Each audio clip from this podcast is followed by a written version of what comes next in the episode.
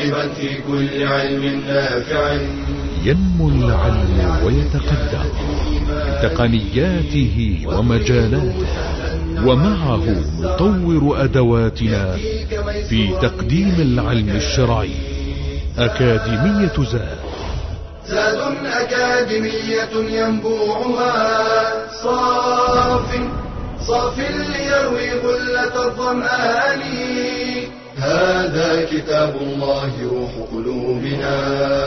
خير الدروس تعلم القرآن. بشرى لنا ذات أكاديمية للعلم كالأزهار في البستان. الحمد لله رب العالمين. الرحمن الرحيم. الهادي إلى الصراط المستقيم. صلى الله وسلم على نبينا محمد وعلى آله وصحبه أجمعين.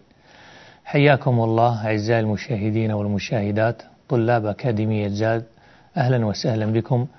في الدرس الثالث بإذن الله من المستوى الرابع في مادة التفسير. بإذن الله اليوم نتكلم عن صورة مهمة جدا وهي صورة العلق. هذه الصورة ابتدأها الله عز وجل بقوله اقرأ باسم ربك الذي خلق خلق الإنسان من علق. اقرأ وربك الأكرم الذي علم بالقلم علم الإنسان ما لم يعلم. كلا إن الإنسان ليطغى أن رآه استغنى إن إلى ربك الرجعى. الشطر الأول هذا هو الذي سيكون درسنا بإذن الله في هذه الحلقة بإذن الله جل جلاله. هذه الصورة كما تعلمون أيها الإخوة هي صورة مكية وأكثر العلماء وأكثر المفسرين على أن هذه الصورة هي أول صورة نزلت من القرآن وأول ما نزل خمس آيات من أولها إلى قوله ما لم يعلم. يكاد يجمع المفسرون على أن هذه الصورة هي أول ما نزل. سنتحدث وإياكم عن الخلاف في أول ما نزل. هل هي هذه الصورة وهو قول؟ أم سورة المدثر وهو قول؟ أم سورة الفاتحة؟ وهو قول. والراجح والذي عليه الأكثر سورة سورة سورة إقرأ. وإن كان قول قوي ذكره بعض المفسرين أنها المدثر فجمع علماء القرآن جمعا جميلا.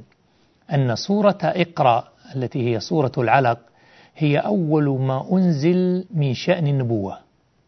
أي أنها حين أنزلت أصبح النبي محمد صلى الله عليه وسلم نبيا.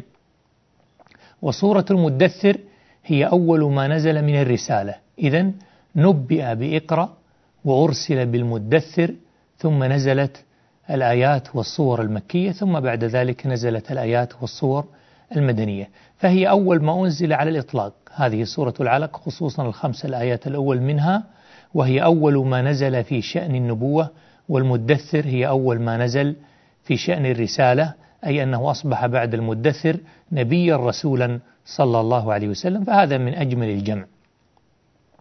نمر الآن معكم أيها الإخوة على التفسير التحليلي الواضح السهل ثم بعد ذلك نحاول أن نفصل على قدر الوقت. أما قوله تعالى اقرأ باسم ربك الذي خلق أي اقرأ يا محمد مستعينا بالله الذي خلق كل شيء هذا معنى باسم ربك أي مستعينا باسم الله الذي خلق كل شيء. الله خالق كل شيء جل جلاله. ثم قال خلق الإنسان من علق والعلقة هي الدم الجامد. وفرق بين العلقة والعلقة فالعلقة هو ما يبلغ الإنسان الحياة حين الاضطرار في أكل الميتة والعلقة هي الدم الجامد الذي خلق الإنسان من إحدى حيثياته وإحدى جزئياته. فأصل خلق الإنسان من تراب وذكر أن خلقه من طين وذكر أن خلقه من حمى مسنون وذكر أنه من نطفة وذكر أنه من علقة ومضغة غير مخلقة ومضغة مخلقة. فكل هذه مراحل التطور والنشئ للإنسان. ثم قال الله عز وجل اقرأ وربك الأكرم فهذا تأكيد للقراءة ولطلب العلم هذا تأكيد للأمر السابق بالقراءة. وربك الأكرم الكريم الحليم المتجاوز عن جهل العباد سبحانه وتعالى. ما للعباد عليه حق واسع كلا ولا سعي لديه ضائع. إن عذبوا فبعدله أو نعموا فبفضله. وهو الكريم الواسع جل جلاله. الذي علم بالقلم. معنى القلم هنا أي علم الخط والكتابة بالقلم. وسنأتي إن شاء الله في آخر هذه الحلقة لتفصيل الأقلام وأنواعها. ثم قال علم الإنسان ما لم يعلم أي أن الله جل جلاله علم الإنسان الكتابة ولم يكن يعلمها وعلمه أشياء كثيرة القراءة والصناعة وغيرها. والإنسان في ذلك عالة لم يكن يعرف شيء. من الذي علمنا؟ إنه الله. ثم قال الله عز وجل كلا. وهذه الكلمة تستعمل كثيرا في القرآن خصوصا في الصور المكية. خصوصا في الصور المكية لأنها كلمة ردع وزجر. أي ما هكذا ينبغي أن يكون الإنسان أن ينعم, أن ينعم عليه ربه بتسوية خلقه وتعليمه ما لم يكن يعلم ثم يكفر بربه. أي لا يليق هذا ولا يكون بالإنسان. ثم قال تعالى إن الإنسان ليطغى. يخبر تعالى أن الإنسان ذو فرح وأشر وبطر وطغيان. أن رآه استغنى أي إن رأى نفسه استغنى بماله وولده طغى وتكبر. وهذا حال كثير من الناس إلا من رحم الله. كلما ازداد الغنى ازداد الطغيان. لذلك من أجمل الأدعية اللهم أغنني ولا تطغني. لأنه في الغالب إذا استغنى الإنسان طغى إلا من رحم ربك جعلنا الله وإياكم ممن رحم. ثم قال تعالى ثم قال العلماء في توصيف ذلك هذا الإنسان بصفة عامة ويستثنى منه المؤمن فإنه لا يرى أنه استغنى عن الله طرفة عين. اللهم أغنني بحلالك عن حرامك ولا تكلني إلى نفسي طرفة عين. فالمؤمن دائما مفتقر إلى الله سبحانه وتعالى. يسأل ربه كل حاجة ويلجأ إليه عند كل مكروه. إن إلى ربك الرجعى. هذا تهديد من الله عز وجل لجنس الإنسان. فالرجعى والمرجع والمرجوع كلها مصادر تفيد بأن الإنسان حتما سيرجع إلى ربه وسيعود إليه جل جلاله. والحديث أصلا لجنس الإنسان الله الطاغي كأنه تهديد ووعيد. سترجع أيها الإنسان الطاغي إلى الله جل جلاله.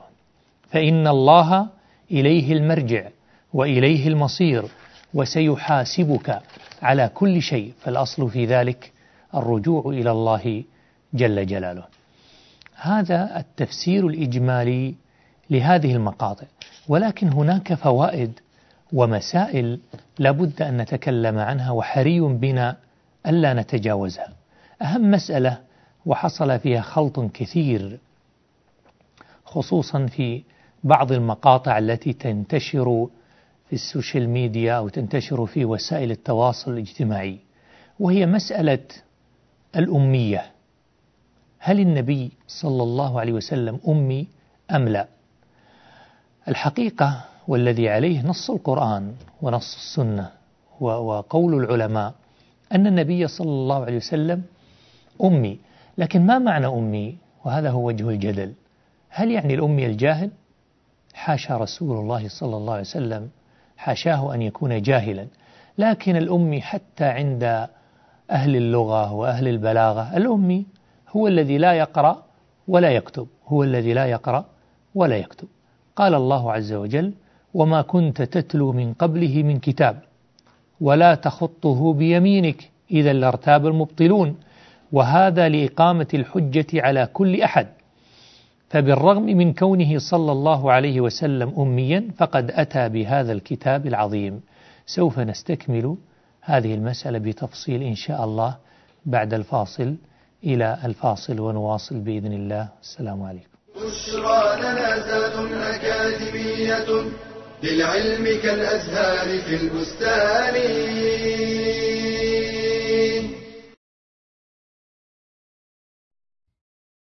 فارق كبير بين من يسافر لنزهة سياحية أو لمشاهدة مباراة وبين من يسافر لطلب العلم. فالرحلة لطلب العلم موصلة إلى سعادة الأبد. قال النبي صلى الله عليه وسلم من سلك طريقا يلتمس فيه علما سهل الله له به طريقا إلى الجنة وبالرحلة يلقى الطالب العلماء وينوع المشايخ ويقارن بين المناهج ويجدد نشاطه ويزيد خبراته. قال الشعبي لو أن رجلا سافر من أقصى الشام إلى أقصى اليمن فحفظ كلمة تنفعه رأيت أن سفره لا يضيع. وهل من شيء أشرف من العلم؟ يرحل في طلبه. وقد رحل موسى عليه السلام في ذلك رحلة شاقة. وإذ قال موسى لفتاه لا أبرح حتى أبلغ مجمع البحرين أو أمضي حقبا. ورحل الصحابة والعلماء من بعدهم في طلب العلم المسافات. حتى سافر بعضهم شهرا في طلب حديث واحد وقطع بعضهم في طلبه أكثر من خمسة آلاف كيلو سيرا على قدميه. فإن عجزت عن الرحلة في طلب العلم فلا أقل من التعلم عبر الشبكات والشاشات. قال النبي صلى الله عليه وسلم سددوا وقاربوا والقصد القصد تبلغوا.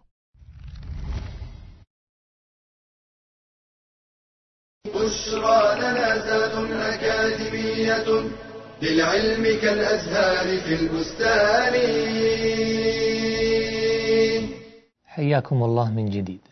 كنا قبل الفاصل قد توقفنا عند مسألة أمية النبي صلى الله عليه وسلم وذكرنا لكم أن الأمي معناه الذي لا يقرأ ولا يكتب. ولا نعني أبدا بالأمي الجاهل فحاشا رسول الله صلى الله عليه وسلم أن يكون جاهلا بل هو أمي وسيد العلماء. كما قال فيه شوقي يا أيها الأمي حسبك رتبة في العلم أن دانت بك العلماء صلى الله عليه وسلم.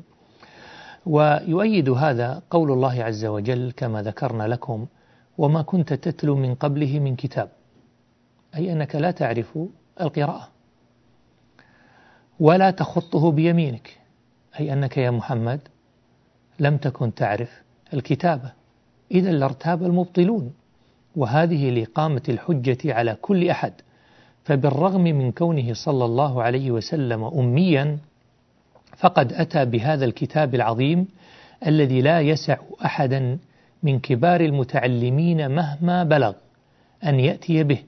فكيف وهو أمي صلى الله عليه وسلم؟ فيقطع بذلك على كل أحد التشكيك في أن القرآن والسنة من وضع النبي الكريم صلى الله عليه وسلم. لذلك أيها الإخوة هذه المسألة مهمة جدا تأصيلها مهم جدا. يعني كيف نقول مثلا أن الأمي كما يشاع يعني في بعض مقاطع التواصل أن الأمي نسبة إلى أم القرى أي إلى مكة. معنى هذا أن أهل مكة في هذا الزمان كلهم أميون لا يمكن أن يكون هذا القول صحيحا أبدا. فالأمي ليس نسبة إلى أم القرى بل الأمي هو الذي لا يقرأ ولا يكتب. والله قال يعني بالنص الصريح النبي الأمي الذي يجدونه مكتوبا عندهم في التوراة والإنجيل.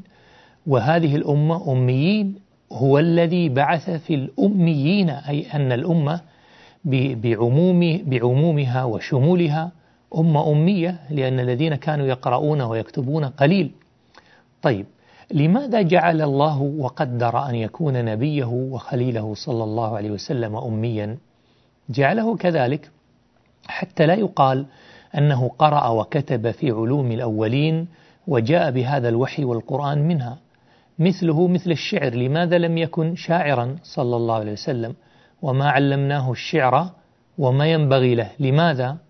لأنه لو كان شاعرا صلى الله عليه وسلم لقيل عن هذا القرآن شعر ولو كان ساحرا حاشاه لقيل عن هذا القرآن سحر وما علمناه الشعر وما ينبغي له وما هو بقول شاعر قليلا ما تؤمنون ولا بقول كاهن قليلا ما تذكرون.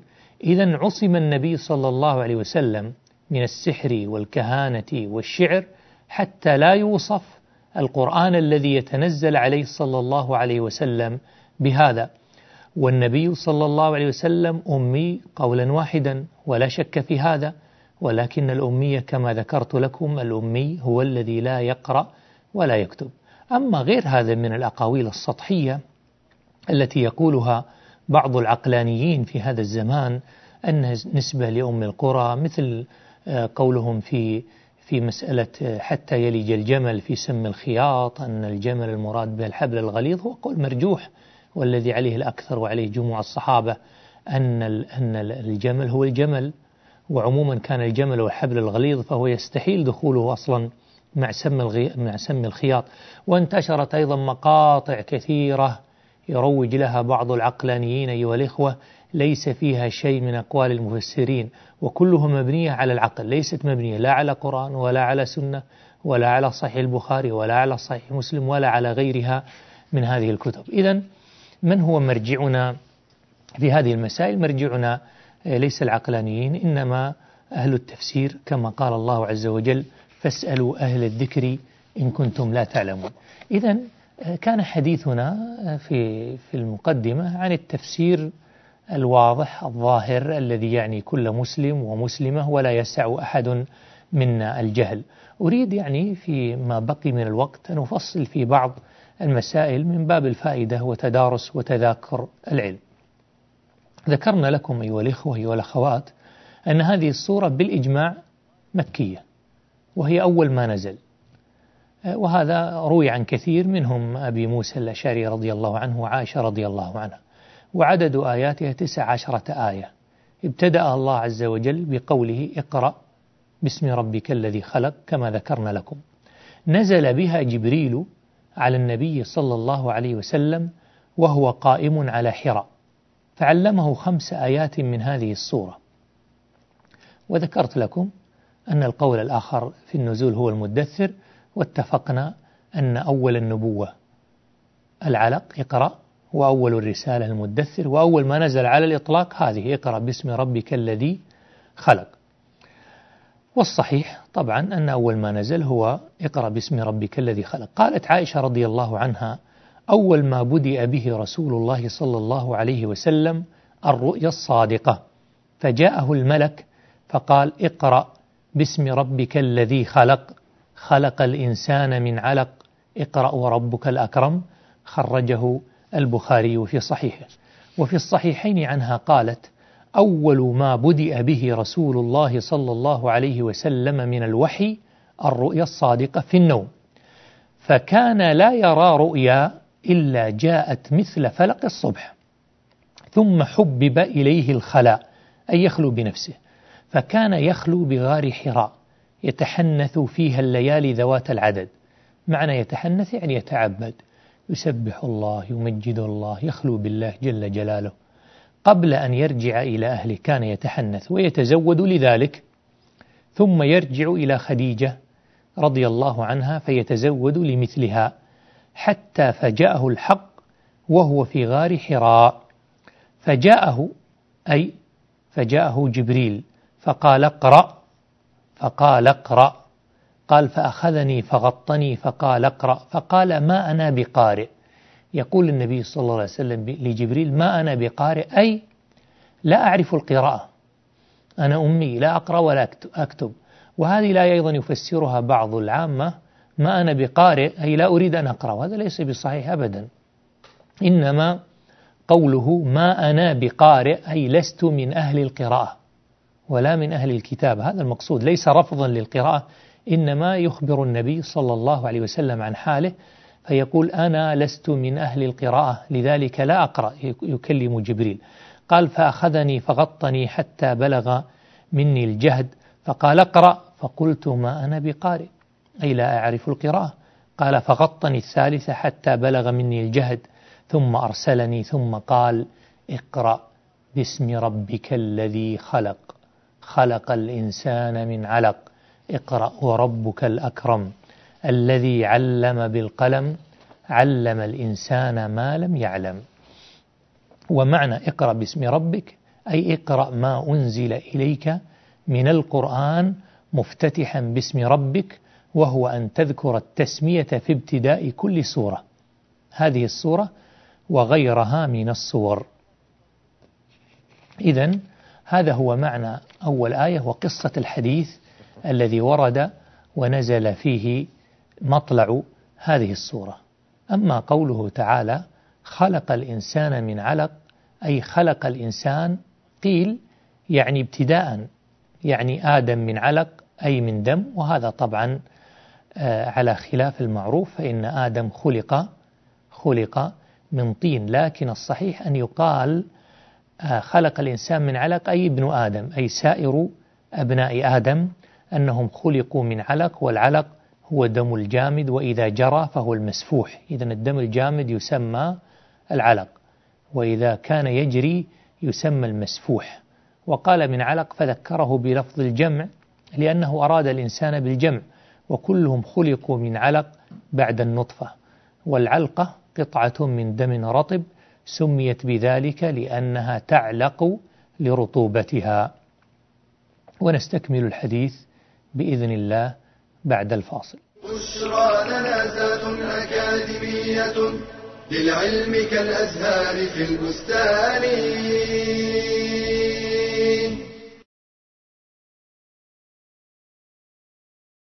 أمانة عظيمة ومسؤولية كبيرة. إنها تربية الأهل والأولاد. قال تعالى يا أيها الذين آمنوا قوا أنفسكم وأهليكم نارا. قال علي بن أبي طالب أدبوهم وعلموهم. فنعلمهم العقيدة الصحيحة. قال تعالى وإذ قال لقمان لابنه وهو يعظه يا بني لا تشرك بالله إن الشرك لظلم عظيم. وقال صلى الله عليه وسلم لابن عباس يا غلام إني أعلمك كلمات احفظ الله يحفظك. ونعلمهم حب النبي صلى الله عليه وسلم وحب أصحابه. فقد كان السلف يعلمون أولادهم حب أبي بكر وعمر كما يعلمون السورة من القرآن. ونعلمهم الصلاة. قال صلى الله عليه وسلم مروا أولادكم بالصلاة وهم أبناء سبع سنين واضربوهم عليها وهم أبناء عشر ونعلمهم مكارم الأخلاق ومحاسن الآداب. قال صلى الله عليه وسلم لعمر بن أبي سلمة يا غلام سم الله وكل بيمينك وكل مما يليك. ونعلمهم شيئا من القرآن بأنفسنا أو نلحقهم بحلقات التحفيظ. ونعلمهم الحلال والحرام بالتدريج. ونعلمهم لغة القرآن قبل أن نعلمهم اللغات الأخرى. قال نافع كان ابن عمر يضرب ولده على اللحن. فاحرص على تعليم أهلك. واعلم أن غذاء الروح أهم من غذاء البدن. قال صلى الله عليه وسلم والرجل راع على أهل بيته وهو مسؤول عنهم. بشرى لنا ذات أكاديمية للعلم كالأزهار في البستان. أهلا بكم نستكمل الحديث بإذن الله. وصلنا إلى بيان العلقة ما المقصود بها. لكن السؤال لماذا قال الله عز وجل خلق الإنسان؟ لماذا ذكر الإنسان هنا؟ خصه بالذكر هنا تشريفا لهذا الإنسان. وقيل أراد أن يبين قدر نعمته على عبده بأن خلقه من علقة مهينة حتى صار بشرا سويا وعاقلا مميزة. إذا مميزة. إذا هي في النهاية تكريم للإنسان. أما قوله تعالى اقرأ وربك الأكرم ذكرنا لكم أن اقرأ هنا تأكيد لإقرأ التي افتتحت بها الصورة وتم الكلام. ثم استأنف. يعني اقرأ هنا نقف عندها فقط لبيان المعنى وإلا هي في الحقيقة موصولة. اقرأ وربك الأكرم. لكن وربك هذا كلام مستأنف أي كلام جديد. وربك الأكرم أي الكريم. وقيل اقرأ وربك أي اقرأ يا محمد وربك يعينك ويفهمك. وإن كنت غير القارئ وإن كنت غير القارئ. والأكرم بمعنى المتجاوز عن جهل العباد. أسأل الله أن يتجاوز عنا وعنكم. الذي علم بالقلم ما زال الحديث عن الله. علم بالقلم. ذكر بعض المفسرين أن فيه مسائل وهذه من من يعني الفوائد الممتعة الجميلة. آه قالوا قوله الذي علم بالقلم يعني الخط والكتابة وهو الراجح الظاهر الذي ذكرناه لكم في مطلع تفسيرنا الإجمالي لهذه الصورة أي علم الإنسان الخط والقلم. وروى سعيد عن قتادة قال القلم نعمة من نعم الله تعالى عظيمة. لولا ذلك لم يقم دين ولم يصلح عيش فدل على كمال كرمه سبحانه بأن علم عباده ما لم يعلموا ونقلهم من ظلمة الجهل إلى نور العلم ونبه على فضل علم الكتابة لما فيه من المنافع العظيمة التي لا يحيط بها إلا هو وما دونت العلوم ولا قيدت الحكم ولا ضبطت أخبار الأولين ومقالاتهم ولا كتب الله المنزلة إلا بالكتابة. ولولا هي ما استقامت أمور الدين والدنيا. هذا الذي ذكر هو يعني في فضل الكتابة على على المسألة الأولى. قال علماؤنا فالأقلام في الأصل ثلاثة. القلم الأول الذي خلقه الله بيده وأمره أن يكتب. والقلم الثاني أقلام الملائكة. جعلها الله بأيديهم يكتبون بها المقادير والكوائن والأعمال. والقلم الثالث أقلام الناس هذه الأقلام التي بأيدينا جعلها الله بأيديهم يكتبون بها كلامهم ويصلون بها مآربهم.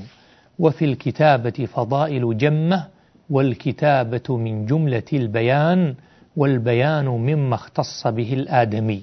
هذا الكلام الذي سمعتموه هو كلام الإمام القرطبي رحمه الله رحمة واسعة في كتابه جامع الأحكام. ثم قال تعالى علم الإنسان ما لم يعلم. قيل الإنسان هنا آدم عليه السلام. علمه أسماء كل شيء أسماء كل شيء حسب ما جاء به القرآن كما قال تعالى وعلم آدم الأسماء كلها. فلم يبق شيء إلا وعلم سبحانه آدم اسمه بكل لغة وذكر آدم للملائكة كما علمه وبذلك ظهر فضله وتبين قدره وثبتت نبوته وقامت حجة الله على الملائكة وحجته وامتثلت الملائكة الأمر لما رأت من شرف الحال ورأت من جلال القدرة وسمعت من عظيم الأمر ثم توارثت ذلك ذريته خلفا بعد سلف وتناقلها قوم عن قوم. وقيل يعني علم الإنسان هنا الإنسان هو الرسول محمد صلى الله عليه وسلم. ودليل هذا القول قوله تعالى وعلمك ما لم تكن تعلم وعلى هذا فالمراد بعلمك المستقبل فإن هذا من أوائل ما نزل. وقيل هو عام أي عام في الإنسان كله آدم والنبي صلى الله عليه وسلم وسائر الملائكة وسائر الأنبياء. لكن الحديث هنا عن البشر عن الإنسان إذا يخرج تعليم الملائكة ويبقى تعليم الإنسان سواء كان آدم أو غيره من أبنائه الأنبياء أو من أبنائه من سائر البشر. وقيل وهو قول عام ودليل هذا قوله تعالى والله أخرجكم من بطون أمهاتكم لا تعلمون شيئا. لا تعلمون شيئا. وقوله تعالى كلا إن الإنسان ليطغى أي كلا إن الإنسان ليطغى أن هذه الآية نزلت في أبي جهل. وقيل نزلت الصورة كلها في أبي جهل نهى النبي صلى الله عليه وسلم عن الصلاة فأمر الله نبيه صلى الله عليه وسلم أن يصلي في المسجد ويقرأ باسم الرب. ويجوز أن يكون خمس آيات من أولها أول ما نزلت ثم نزلت البقية في شأن أبي جهل وكلا هنا بمعنى حق إذ ليس قبله شيء والإنسان هنا أبو جهل. والطغيان كما ذكرنا لكم هو مجاوزة الحد في كل شيء. لذا يقال الطاغوت وهو على سبيل المبالغة ويقال الطاغية وكلها مشتقة من طغى. والطغيان مجاوزة الحد في كل شيء. أما قوله تعالى أن رآه استغنى فالمعنى أي أن الإنسان يستغني إذا صار ذا مال وثروة. وقال ابن عباس في رواية أبي صالح عنه قال لما نزلت هذه الآية وسمع بها المشركون أتاه أبو جهل فقال يا محمد تزعم أنه من استغنى طغى فاجعل لنا جبال مكة ذهبا لعلنا نأخذ منها فنطغى فندع ديننا ونتبع دينك. قال فأتاه جبريل عليه السلام فقال يا محمد خيرهم في ذلك. فإن شاءوا فعلنا بهم ما أرادوا. فإن لم يسلموا فعلنا بهم كما فعلنا بأصحاب المائدة. فعلم رسول الله صلى الله عليه وسلم وأخبر أن القوم لا يقبلون ذلك فكف عنهم إبقاء عليهم. أما قوله تعالى إن إلى ربك الرجعى أي إليه المرجع من هذا من هذا وصفه فنجازيه فنجازيه ويعود إلى الله فإليه المصير وإليه الجزاء. إذا إلى هنا ينتهي تفسير حلقة اليوم أي المقطع والشطر الأول من هذه الصورة وكنا قد ذكرنا في أولها بفضل العلم وأهله وفضل النبي صلى الله عليه وسلم رغم أميته فكيف وهو الرجل الأمي الذي أوتي كل هذه العلوم؟ وكل هذا القرآن وكل هذا الوحي إذا هو أمي أي لا يقرأ ولا يكتب لكنه سيد العلماء. يا أيها الأمي حسبك رتبة في العلم أن دانت بك العلماء. هذا فضله صلى الله عليه وسلم علينا وعلى سائر الصحابة وهو بدر وقمر صلى الله عليه وسلم وأصحابه كسائر النجوم وأهل العلم من العلماء هم أهل الفضل وأهل المجد ففي هذه الصورة تنبيه وتأكيد على فضل القراءة وأنها أول ملازم أول ملازم العلم وأول الطرق جعلنا الله وإياكم من العلماء العاملين الراسخين. أسأله جل جلاله أن يوفقنا وإياكم للعلم النافع والعمل الصالح وأن يجعل هذا المجلس حجة لنا لا علينا. والسلام عليكم ورحمة الله وبركاته. يا راغبا في كل علم نافع متطلعا لزيادة الإيمان. وتريد سهلا النوال ميسرا يأتيك ميسورا بأي مكان. زاد زاد أكاديمية ينبوعها.